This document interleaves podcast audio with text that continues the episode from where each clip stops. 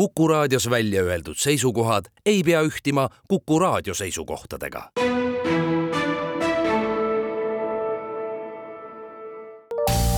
terviseks. Saadet toetab Lääne-Tallinna Keskhaigla, vaata ka keskhaigla.ee tere, head Kuku kuulajad, eetris on saade Terviseks ja me räägime täna soolepidamatusest. mina olen Ingela Virkus ja koos minuga on stuudios Lääne-Tallinna Keskhaigla üldkirurgia ja koloproktoloogia keskuse ülemarst juhataja, doktor Kaur Liivak, tere! tere ja aitäh kutsumast! No seedeprobleemidega me oleme kõik mingil määral ja mingil hetkel kokku puutunud, kõhukinnisus, kõhulahtisus, need on kindlasti tuttavad kõigile, et mis hetkel me saame rääkida soolepidamatusest? soolepidamatus on, tekib probleemiks siis, kui meil puudub tahteline kontroll soole tegevuse üle. et seal on väga palju erinevaid astmeid, see võib olla tahteline kontroll gaaside pidamisest, see võib olla tahteline kontrolli, selle puudumine vedela fäätsese korral või siis tahke väljaheite korral, et seal on nagu erinevad astmed. kellel selle tekkeks suurem soodumus on? no statistika näitab, et kõige rohkem on ohustatud naised siiski, kui me soolisi võrdsusi vaatame, et naised on äh, sünnitusjärgsete rebenditega kindlalt eelistatud selle haiguse puhul.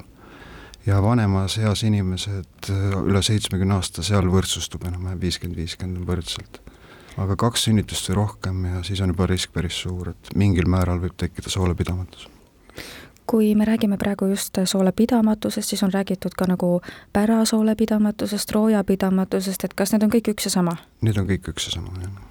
kui levinud äh, see üldse on täna Eestis, et see on selline delikaatne teema, et ega nagu väga ei räägita sellest nii nagu ma ei tea, väikesest nohust või, või kurguvalust, et et täna mul kurk valutab, et seda nagu jah, see on väga ei delikaatne teema, sellest ei räägita ka arstile üsna, üsna sageli, eriti perearstid. Äh, eriarstile sattudes need patsiendid, vahel tuleb ka see soolepitamatuse osa välja kogemata, et mul Eesti kohta ei ole päris kindlat statistikat, aga see võib haarata kuni siin viisteist protsenti elanikkonnast ja teatud väiksemates, kitsamates äh, sihtgruppides võib olla see kuni nelikümmend protsenti isegi aga kuidas nad tavaliselt jõuavad siis arstile, et äh, kui, ma eeldan, et siis on see väga kuidagi tõsiseks läinud, et väga nagu viimasel hetkel juba pigem? Eesti inimene ikka tavaliselt sellise gaasipidamatusega ei tule, et siis, kui me räägime soolepidamatusest, siis on ikka juba teema tavaliselt tõsisem. mis hetkel äh, siis see probleemiks saab, et kus see piir jookseb, kus inimene peaks nagu aru saama, et et need ei ole lihtsalt nüüd gaasid, vaid see ongi näiteks gaasipidamatus ja nüüd tuleks minna päriselt abi otsima ja spetsialisti juurde? no kõige mõistlikum oleks ikkagi sekkuda kohe sellest hetkest, kui inimene saab aru, et ei kontrolli olukorda, näiteks ka gaasipidamatuse korral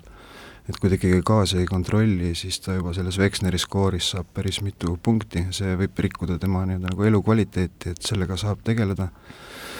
meditsiinis on üsna sageli niimoodi, et lihtsam on tegeleda asjadega siis, kui nad on nagu algusfaasis, et noh, mõnikord on need lahendused ongi väga lihtsad, aga kui on juba sellised raskema astme pidamatused, siis seal on juba teinekord väga raske üldse inimesi aidata kui me enne rääkisime sellest, et kellel selle tekkeks suurem soodumus on, siis miks see ikkagi tekib, et äh, mis kehas toimub, et äh, inimene ei ole võimeline enam seda kontrollima? soolepidamatus on selles mõttes on huvitav, et ta ei olegi tegelikult diagnoos, et ta on nagu sümptom rohkem, et tavaliselt sellel soolepidamatusel on mingi algpõhjus. see võib olla täiesti tavaline lihtsalt vale toiduvalik, et inimesel tekibki rohkelt soolegaase ja selle tõttu ta ei suuda neid pidada mõningatel juhtudel võib olla tal lihtsalt kõht nii lahti, et, et puudub kontroll sooletegevuse üle. et see algpõhjus on nagu prioriteet, see tuleb välja selgitada, sellest algab kõik nii-öelda nagu ka ravi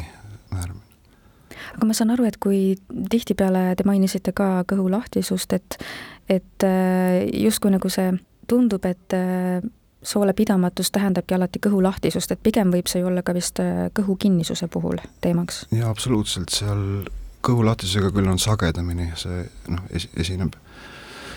esineb mitut tüüpi soolepidamatuse vorme, on aktiivset tüüpi ja passiivset tüüpi, et need kõhulahtised on sellised, mis on rohkem aktiivset tüüpi, need on patsiendid, kes teavad oma teekonnal kõiki ümbruskaudseid tualettruume, et nad peavad lihtsalt kiiresti sinna saama.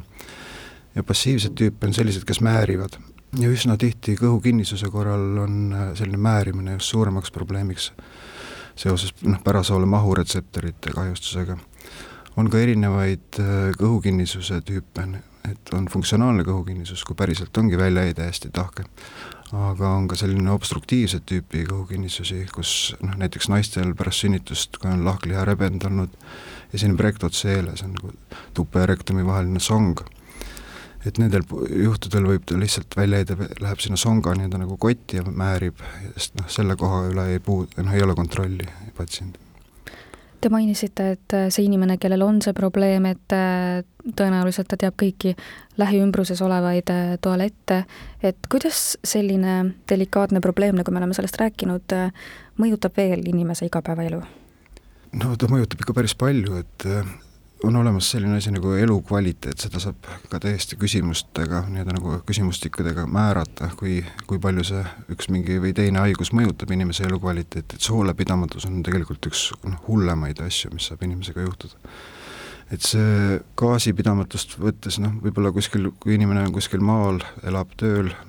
tal see, kui ei ole gaaside üle kontrolli, ei ole see nagu nii suur probleem, aga näiteks kes on avaliku elu tegelased, nende jaoks on võib-olla see elukvaliteeti mä-, noh, määrav muutus. aga paljud äh, naisterahvad sünnitusjärgsete rebendite just järgselt on ikkagi täiesti sellised, kes on kodused, nad ei saagi midagi teha mis äh, sümptomid veel sellega kaasneda võivad, et te mainisite määrimist näiteks või see, et ootamatult tuleb, et sa ei saa seda kontrollida, kas on ka mingid valud või, või mingid sellised kaebused ka? Tavaliselt valu küll ei ole, mis soolepidamatuse puhul oleks, tavaliselt jutuks ei tule ikkagi valu, ei, see pigem ei. aga küll igasugused eritised veel, näiteks noh, lisaks väljaheitele võib määrida lihtsalt limaga, et, et kõik see tuleb nii-öelda nagu uuringutega täpsustada, et, et mis on põhjuseks.